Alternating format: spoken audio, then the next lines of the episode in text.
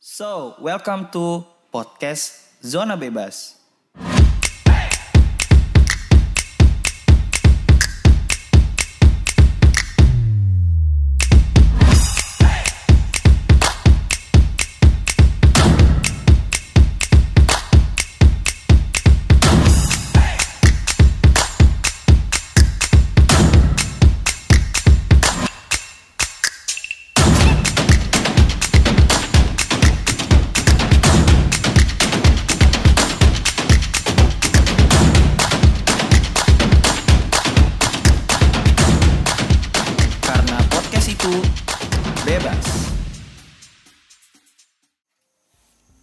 Oke, selamat datang kembali untuk teman-teman di podcast Zona Bebas.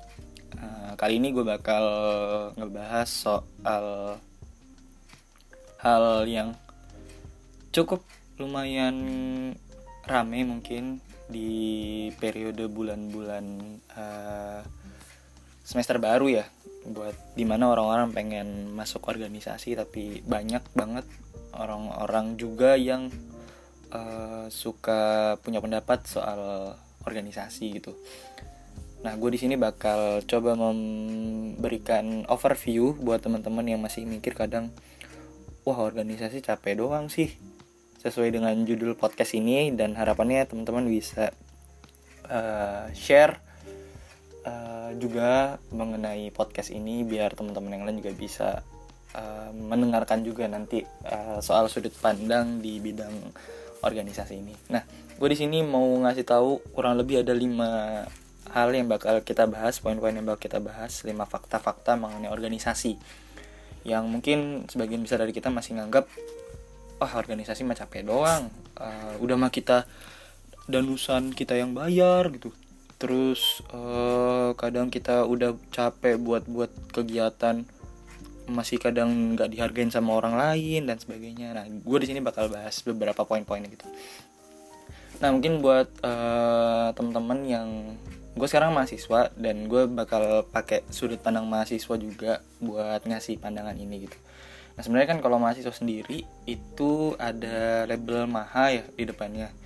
Beda mungkin eh, beberapa tahun ke belakang. Gue mahasiswa tingkat akhir sekarang udah empat tahun kurang lebih kuliah eh gue pas kuliah ini udah beberapa kali ikut organisasi. Nah di antara organisasi yang gue ikutin itu eh, sedikit banyak berbeda dari organisasi gue ketika di SMA yang which is itu juga gue eh, masih siswa ya. Sekarang kan eh, udah mahasiswa ada label kata maha nah ketika maha kan kalau misalnya eh, identik sama sesuatu yang tinggi sangat dan ter ter gitulah kalau maha kan.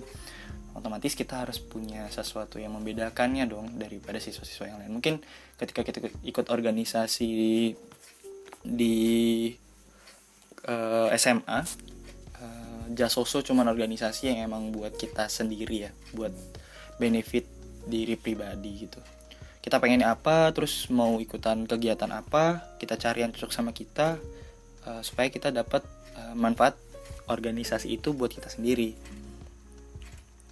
Nah eh, gelar maha ini justru jadi beban sih terkadang buat kita kita yang eh, baru masuk. Terutama di yang kuliah di kampus negeri ya. Jadi eh, kuliah di kampus negeri ini jadi beban tersendiri buat ngandang nama mahasiswa karena kita kuliah kan disubsidi sama masyarakat gitu lewat eh, anggaran pendidikan. Nah, oke lanjut Eh, fakta pertama yang mau gue bahas mengenai organisasi di dunia kemahasiswaan adalah organisasi itu tidak akan membuat lu kaya dan lu terkenal. Iya, capek eh, organisasi itu capek, udah bikin capek, terus nggak bikin lu kaya dan terkenal gitu. Maka kadang ada beberapa dari kita yang suka eh, salah salah tujuan ya bisa gue bilang ya salah tujuan. Mau ikut organisasi karena pengen dikenal ataupun mau ikut organisasi karena pengen kaya lah. Uh, itu sebenarnya nggak benar ya paradigma yang nggak benar. Tapi ini juga sesuatu yang benar gitu. Uh, organisasi itu nggak bikin lu kaya dan terkenal. Mendingan uh, apa namanya uh, tidur gitu ya. Tidur di uh, kontrakan atau tidur di rumah. Jangan tidur di kelas ya soalnya nanti materinya nggak kedengeran lagi nggak bisa kita serap lagi ketika di kuliah. Jadi udah capek uh, dikit-dikit rapat dikit-dikit diskusi terus uh, buat yang organisasi mahasiswa yang udah uh, skopnya besar biasanya pulangnya pulang malam gitu kan. Nah sebenarnya kalau niatnya udah kayak gitu salah sih karena kita nggak akan dapat uh, kaya dan terkenal gitu ya. Nah persepsi orang-orang itu yang kayak gitu tuh tuh termasuk persepsi orang-orang yang udah putus asa dan uh, organisasi kerasa kayak eh, nggak uh, ngasih manfaat apa apa sama dirinya gitu. Dan tapi coba dipikirin ya uh, capeknya kalian di organisasi capek badan capek pikiran capek hati itu sebenarnya pasti. Dan uh, kalau lu juga punya idealisme wah kalau gue ikutan organisasi sih nggak bakal capek ataupun nggak bakal ini ya tapi itu juga salah sih. Lu kalau ikut organisasi udah pasti capek badan pikiran sampai cap sap sampai capek hati pun itu udah pasti gitu. Udah tuh nggak dapat uh, eh, keuntungan yang besar kadang ya uh, kita lebih kayak lebih banyak effort yang kita keluarin terus bahkan korban materi korban tenaga itu uh, emang fitrahnya manusia sih yang kadang nggak bisa seimbang dalam waktu yang lama. Nah jenuh jenuh itu juga masuk uh, ke dalam poin yang ini ya. Jadi udah nggak bikin lu kaya nggak bikin lu terkenal bikin jenuh kayak capek banget jelek banget lah persepsi organisasi ini. Nah karena lu udah tahu organisasi itu nggak memberikan itu maka dari awal lu jangan punya sekali-sekali punya ekspektasi kalau organisasi itu bakal banyak memberikan keuntungan sama lu. Itu poin pentingnya. Ya ketika lu ikut organisasi sebenarnya lu itu tidak uh, apa ya tidak mencari keuntungan untuk diri lu sendiri. Makanya kadang uh, kita boleh punya keinginan dalam organisasi. Ketika kita mau join sesuatu untuk belajar ataupun uh, untuk memperdalam kemampuan diri. Tapi lu juga nggak boleh ekspektasi tinggi-tinggi juga dengan hal-hal yang bakal lu dapetin di organisasi. Nah itu poin pertamanya. Nah poin kedua uh, ingat aja amanah itu nggak akan pernah salah pundak ya. Ya itu kalau bahasa awamnya sih bahasa yang sering kita dengar kan jadi uh, ada orang-orang baru nih yang mungkin kadang nggak pernah ikutan organisasi ataupun nggak pernah ikut kepanitiaan. Ini juga berlaku buat kepanitiaan ya. Nggak pernah ikut organisasi ataupun nggak pernah ikut kepanitiaan tapi dia nyoba daftar dan dia langsung uh, dapat posisi yang nggak pernah dia bayangkan sebelumnya entah itu jadi ketua ataupun entah itu jadi kadif atau bahkan diterima di divisi yang sebenarnya bukan bukan jadi kekuatannya selama ini gitu. Udah banyak hal-hal baru. Nah amanah itu sebenarnya adalah sebuah jabatan dan bentuk tanggung jawab yang jadi kewajiban serta dikerjakan sesuai pembagian tugasnya. Amanah akan membuatmu memiliki peran dalam organisasi segala jenis tugas dan pekerjaan akan dikerjakan sesuai dengan kemampuan dan amanah. Inilah yang mampu membuatmu belajar tanggung jawab dan rasa memiliki. Nah, setiap orang yang udah dibebanin amanah ini, mau lu pernah punya track record ataupun lu pernah punya background sebagai A, B, C, ketika lu dikasih amanah yang baru, yang which is lu nggak pernah uh, kepikiran buat dapat posisi itu sebelumnya, maka lu nggak nggak boleh berpikir kalau uh, amanah yang udah lu dapat itu adalah amanah yang tidak sengaja atau amanah yang uh, nggak mungkin lah seorang gua itu bisa gitu. Nggak mungkin lah seorang gue uh, mampu untuk menjalankan ini. Hey itu nggak mungkin karena lu punya mindset untuk tidak mungkin melakukannya. Jadi amanah itu bakal datang ke lu uh, dan itu sebuah kepastian yang perlu kita pahami. Dan ketika amanah itu datang ke lu dia nggak akan mungkin salah tempat dia nggak akan mungkin salah pundak buat dia berpijak. Tapi elunya yang salah dalam bertindak buat soal amanah ini. Nah jadi jangan pernah nolak suatu amanah yang udah dikasih ke lu. Kecuali emang lu bener-bener ngerasa kalau lu ditumbalin gitu. Ataupun lu uh, wah nggak kayaknya nih teman-teman gue ngasih posisi ini karena mereka ini numbalin gue gitu. Nah itu juga jadi ini juga ya kadang jadi dilematis juga buat kita. Tapi intinya ngacu ke, ke poin yang sebelumnya. Ingat aja organisasi emang gak akan memberikan banyak dampak ke lu. Tapi lu juga nggak boleh berekspektasi rendah juga terhadap organisasi. Karena amanah yang lu pegang itu harus dijalankan dengan cara maksimal dan dengan cara yang extraordinary. Supaya amanah itu bisa lu tertanggungjawabkan nanti di kemudian hari gitu. Nah, kemudian fakta yang ketiga, uh, organisasi itu sebenarnya terdiri dari orang terbaik tanpa lu sadari, mau yang daftar sedikit, mau yang daftar banyak, sebenarnya organisasi akan terdiri dari orang-orang terbaik. Nah, buat orang-orang terbaik sendiri, uh, biasanya kan melalui proses seleksi ya.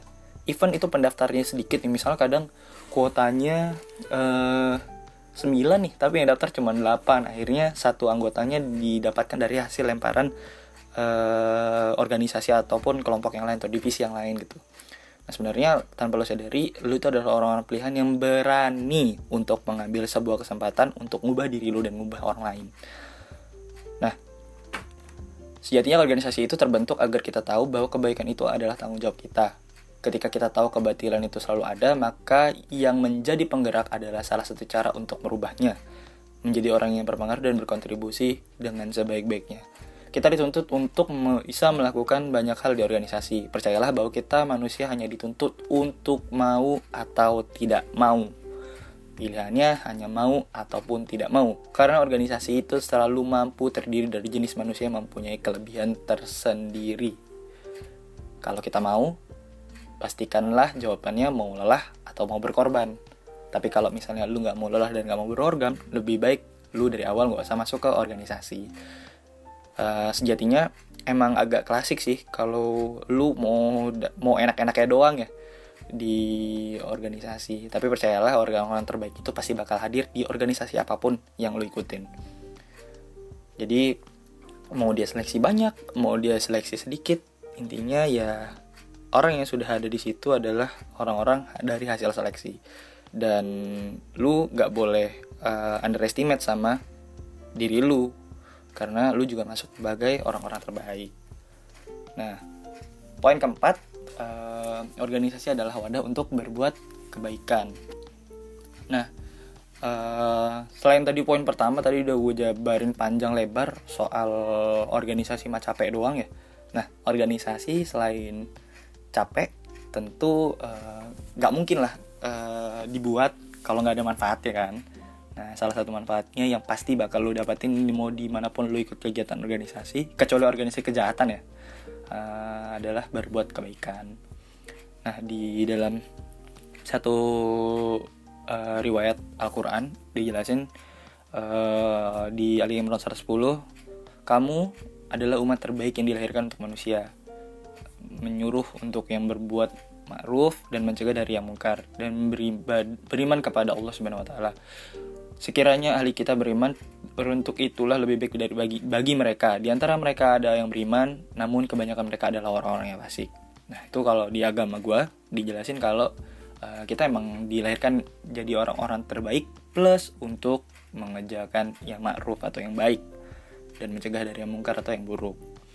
Nah, makanya ini alasan kenapa uh, umat terbaik harus memiliki potensi yang besar dan tidak terkungkung dalam ruang, ruang hampa. Artinya bahwa kita nggak boleh uh, menyanyiakan diri kita sebagai umat terbaik ini sebagai uh, manusia itu terkungkung dalam ruang hampa yang artinya lu nggak ngapa-ngapain alias gabut. Ada tugas besar yang mesti kita tahu dan mesti kita pelajari. Kita tidak pantas untuk diam saja merasa aman dengan zona nyaman Nah, berbuat baiklah dan terbahkan kebaikan yang mengalir. Dan salah satu wadahnya adalah ketika kita ikut organisasi, karena kita bakal belajar di sana gimana cara memanajemen diri kita dan memanajemen orang lain. Nah, pertanyaannya kan uh, sebenarnya balik lagi, lu di dunia ini ketika lu mati, lu mau dikenal sebagai apa gitu? uh, kalau lu mau dikenal sebagai orang-orang yang baik ya lu harus belajar melakukan sebuah kebaikan dan wadahnya salah satunya adalah organisasi gitu. Karena di sana lu pasti bakal diajarin dan bakal dapat banyak hal even sebenarnya kalau lu di organisasi nggak ngapa-ngapain pun lu pasti bakal banyak dapat pembelajaran sih menurut gua. Uh, kadang kan ada yang tuh yang di organisasi dia udah join nih berusaha uh, aktif dan berusaha untuk menyalurkan bakatnya dan meningkatkan kapasitas dirinya. Tapi pas dia ikut, ikut organisasi dia sakit hati ataupun uh, ngerasa uh, yang dia pengen tuh nggak dia dapat itu akhirnya dia lebih, lebih milih untuk uh, hilang lah kabur lah ataupun apa pun itu. Karena secara teori pun ada namanya teori hukum Pareto 80-20 nah, yang dikerjakan 20% uh, kelompok itu bakal mempengaruhi 80% kelompok. Artinya sebenarnya uh, udah ada teorinya pasti bakal ada orang yang kerja secara keras dan ada orang yang kerja secara uh, ikut-ikutan doang gitu nah lu ikut-ikutan aja itu dapat manfaat. Gimana kalau lu uh, bisa mengendalikan dan bisa memberikan dampak yang besar gitu di organisasi. Dan poin terakhir sebenarnya uh, ini yang bakal menepis semua anggapan negatif dari uh, kita semua gitu soal organisasi. Terutama yang punya argumen bahwa organisasi itu uh, capek doang itu organisasi adalah wadah untuk melahirkan orang-orang yang hebat.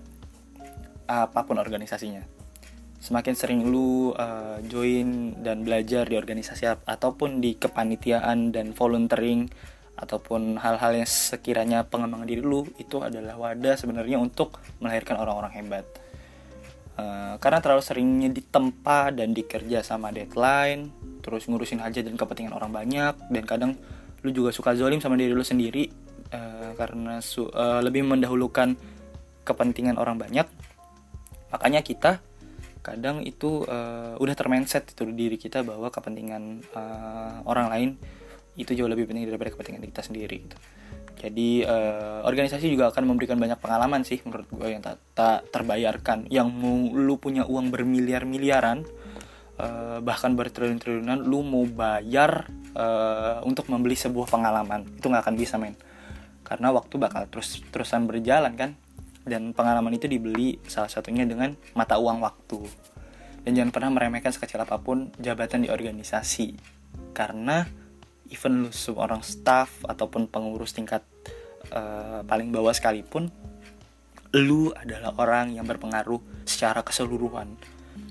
Balancing organisasi itu ada di lu. Kalau lu uh, mempengaruhi uh, apa namanya kinerja lu itu bakal mempengaruhi yang lain. Kalau lu misalnya malas-malesan ataupun lu uh, setengah-setengah dalam organisasi ya itu bakal mempengaruhi yang lain. Sadar atau tidak sadar, sadar atau tidak lu sadari sebenarnya.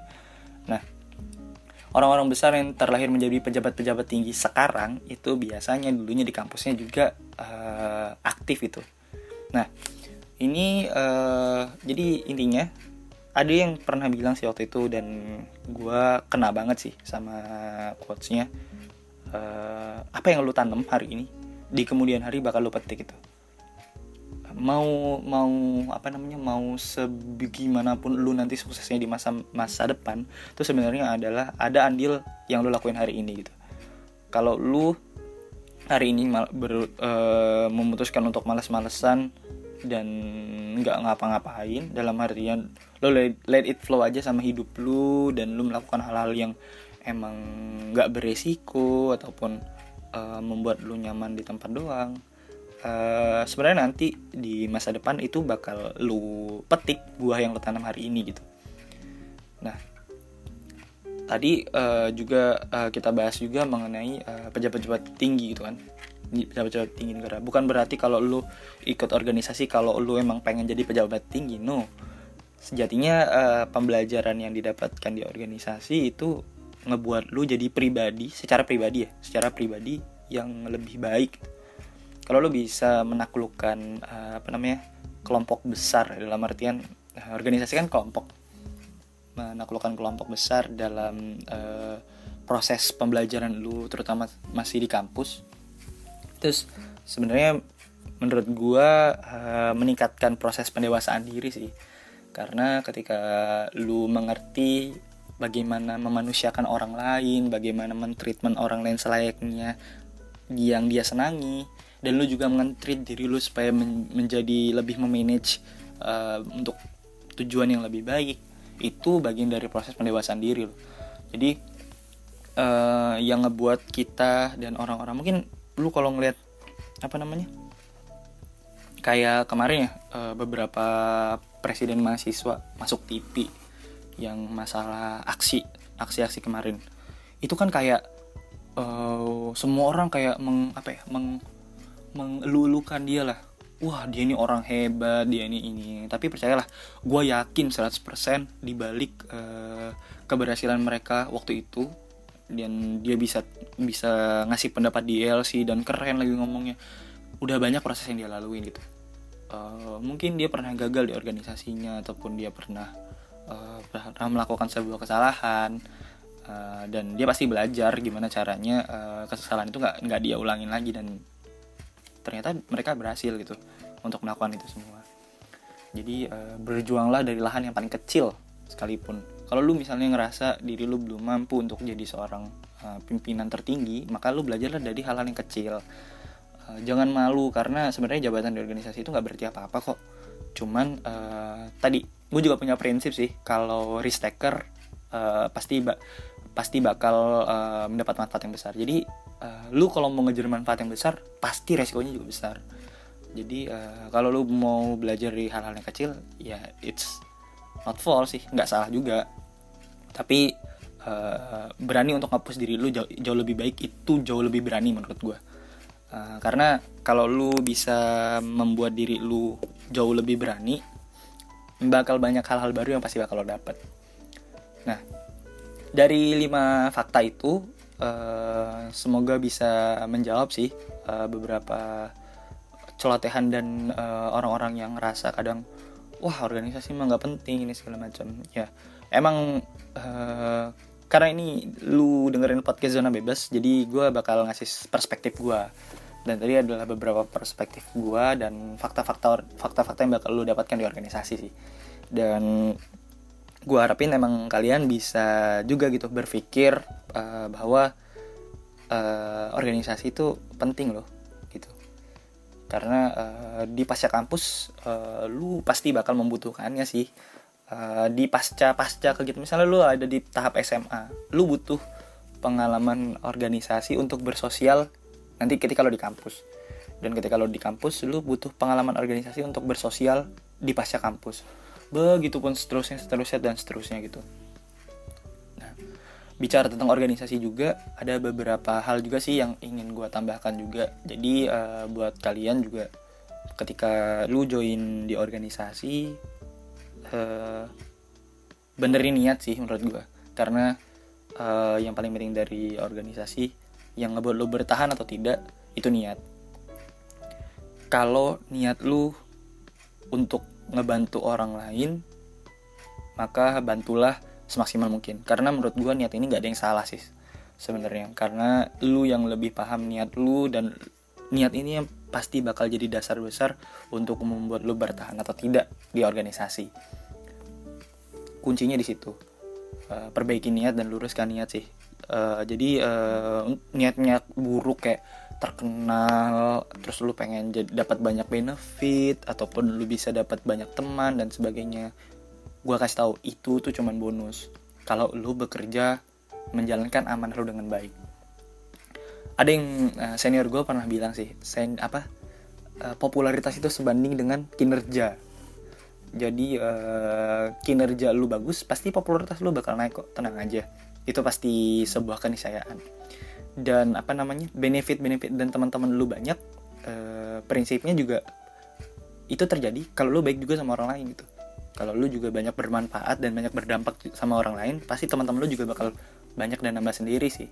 Tanpa lu minta dan tanpa lu ngemis-ngemis sama orang-orang supaya bisa jadi teman lu itu uh, filosofi kehidupan sih beberapa filosofi kehidupan yang setidaknya bisa lu terapin nanti gitu. Ketika lu join di organisasi karena uh, organisasi ini menjadi wadah pembelajaran yang gratis tau kalau dipikir-pikir.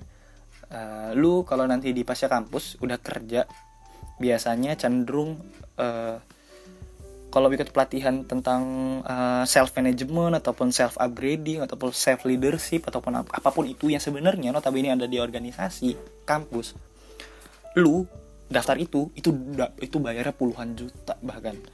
Ada yang sampai ratusan juta. Kalau misalnya ikut pro, uh, paket yang eksklusif nih biasanya.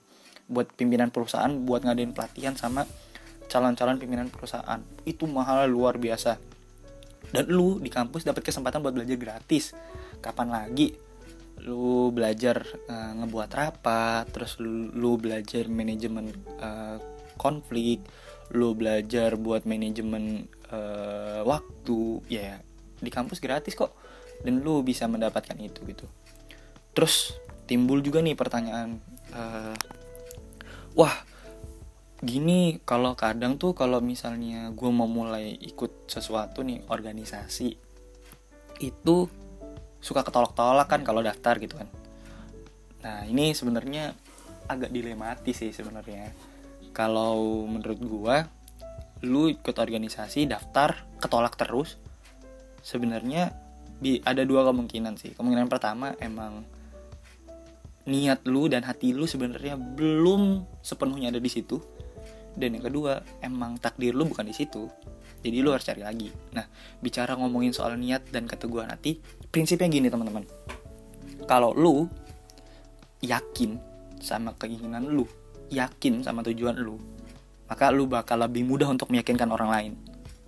Tapi kalau lu aja nggak yakin sama diri lu dan nggak yakin sama kemampuan yang lu punya untuk mengejar sesuatu gimana orang lain juga mau percaya sama lu kalau lu aja nggak yakin? Nah itu yang kadang banyak orang yang gugur ketika mau ikut organisasi. Kan organisasi kan volunteering ya sifatnya pasti ada pendaftaran dan sebagainya. Itu wawancaranya gagal wawancaranya gugur nggak bisa dilanjut nggak bisa melanjutkan karena sebenarnya lu sendiri nggak yakin sama tujuan lu. Makanya lu kesulitan untuk meyakinkan orang lain untuk percaya sama kemampuan lu.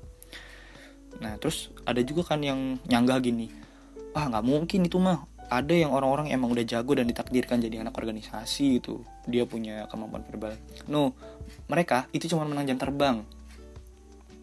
Mereka tuh cuman cuman menang apa namanya uh, udah udah dapat pembelajaran organisasi jauh lebih baik daripada lu. Nah kesempatannya lu mau nunda dan berharap mereka yang mundur atau lu mau ngejar dan mengejar kapasitas diri lu dan ngalahin mereka. Kalau gue jadi lu gue pasti bakal berusaha untuk ngejar kapasitas gue buat ngalahin mereka. Wadahnya banyak kok. Dan lu uh, harus bisa pilih-pilih nih yang bisa. Tadi gue sampein kan di tengah-tengah tadi kalau misalnya lu mau dapat pembelajaran yang banyak maka lu harus ngambil resiko yang tinggi juga. Jadi jangan takut untuk mengambil resiko. Gitu. Jadi uh, masuk ke poin yang kedua tadi mengenai takdirnya bukan di situ karena iya ada beberapa orang yang memang sama kayak lu milih kampus gak sih? Jadi ada yang wah ada yang ngulang IPB berkali-kali nih misalnya nih uh, daftar IPB nggak terima nih. Tapi pas dia daftar di di luar negeri terima. Ya karena emang takdirnya di situ. Nah kalau lu juga uh, ngerasa, wah gue udah bener-bener yakin nih, gue udah bener-bener maksimal memperjuangkan yang gue inginkan, tapi masih tidak bisa terima, kemungkinannya pasti poin nomor dua, emang takdir lu bukan di situ gitu. Jadi lu harus coba di rute dan jalur yang lain untuk meyakinkan orang-orang supaya orang-orang bisa jadi percaya sama lu. Itu mungkin uh, podcast yang pertama mengenai yang ya nanti gue bakal kasih judul organisasi capek doang. Gitu biar apa namanya orang-orang organisasi ataupun orang-orang yang wah apa iya sih? Apa benar sih? Ya gua gua aku emang benar organisasi capek doang. Tapi doang yang lain doangnya itu uh, adalah sebagian kecil dari manfaat yang bakal lo dapetin dari organisasi. Gue yakin itu dan setiap orang itu punya wadah belajar yang masing-masing. Dan gue merekomendasikan kalian untuk ikut wadah belajar yang udah banyak dilakukan banyak orang. Uh, salah satunya adalah join di organisasi. Jadi jangan takut buat mencoba uh, jangan takut buat apa namanya buat mengembangkan diri dan jangan takut untuk mengambil kesempatan ini di kepanitiaan pun sama gitu. Kepanitiaan itu sebenarnya adalah mini organisasi. Ya secara manajerial sebenarnya sama cuman dia waktunya biasanya terbatas gitu. Itu aja dan gue paling pesan buat teman-teman uh, yang poin terakhir uh, adalah lu kalau ikut organisasi lu harus belajar untuk meninggalkan sesuatu. Atau gue biasa nyebutnya sih legacy. Biar uh, nanti orang-orang bisa ingat sama lu. Nanti di kemudian hari ataupun nanti lu bahkan uh, ketika lu nggak di situ lagi nggak di organisasi itu ketika adik-adik lu uh, kan apa lihat lu balik ataupun lu lu berkunjung kembali ada kemudian hal-hal yang mereka kenang gitu. Dan itu adalah hal-hal yang sifatnya kebaikan. Jadi jangan lupa untuk tinggalin legacy di setiap lu ikut organisasi. Dan jangan jadi orang yang biasa-biasa aja. Orang yang biasa udah banyak banget di Indonesia. Dan jadi orang-orang yang luar biasa gitu. Dan gue yakin lu bisa buat ngelakuin itu. Itu aja dari gue. Uh, sekian buat teman-teman. Semoga bermanfaat. Dan perlu diingat karena podcast itu bebas.